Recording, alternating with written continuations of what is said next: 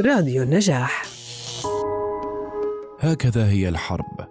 دائما تشوه كل شيء وينتظر العالم في الغالب نتائج أعداد القتلى والمفقودين ويتجاهل باقي ما دمرته الحروب من الحيوانات والنباتات والتلوث البيئي.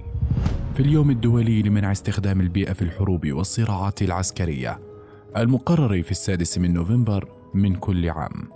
في هذا اليوم تولي الجمعية العامة للأمم المتحدة أهمية كبرى لضمان إدخال العمل المتعلق بالبيئة في الخطط الشاملة لمنع نشوب النزاعات وصون السلام وبنائه لأنه لا يمكن أن يكون هناك سلام دائم إلا إذا دمرت الموارد الطبيعية التي تدعم سبل العيش والنظم الايكولوجية تشاركت ست وكالات وإدارات تابعة للأمم المتحدة في برنامج الأمم المتحدة للبيئة وبرنامج الأمم المتحدة الإنمائي ومكتب الأمم المتحدة للمستوطنات البشرية ومكتب دعم بناء السلام وإدارة الشؤون السياسية وإدارة الشؤون الاقتصادية والاجتماعية بتنسيق من فريق الأمم المتحدة الإطاري المشترك بين الوكالات المعنية بالإجراءات الوقائية مع الاتحاد الأوروبي لمساعدة البلدان على تحديد التوترات بشأن الموارد الطبيعية.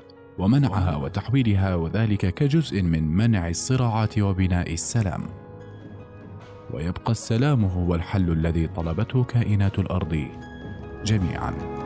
thank you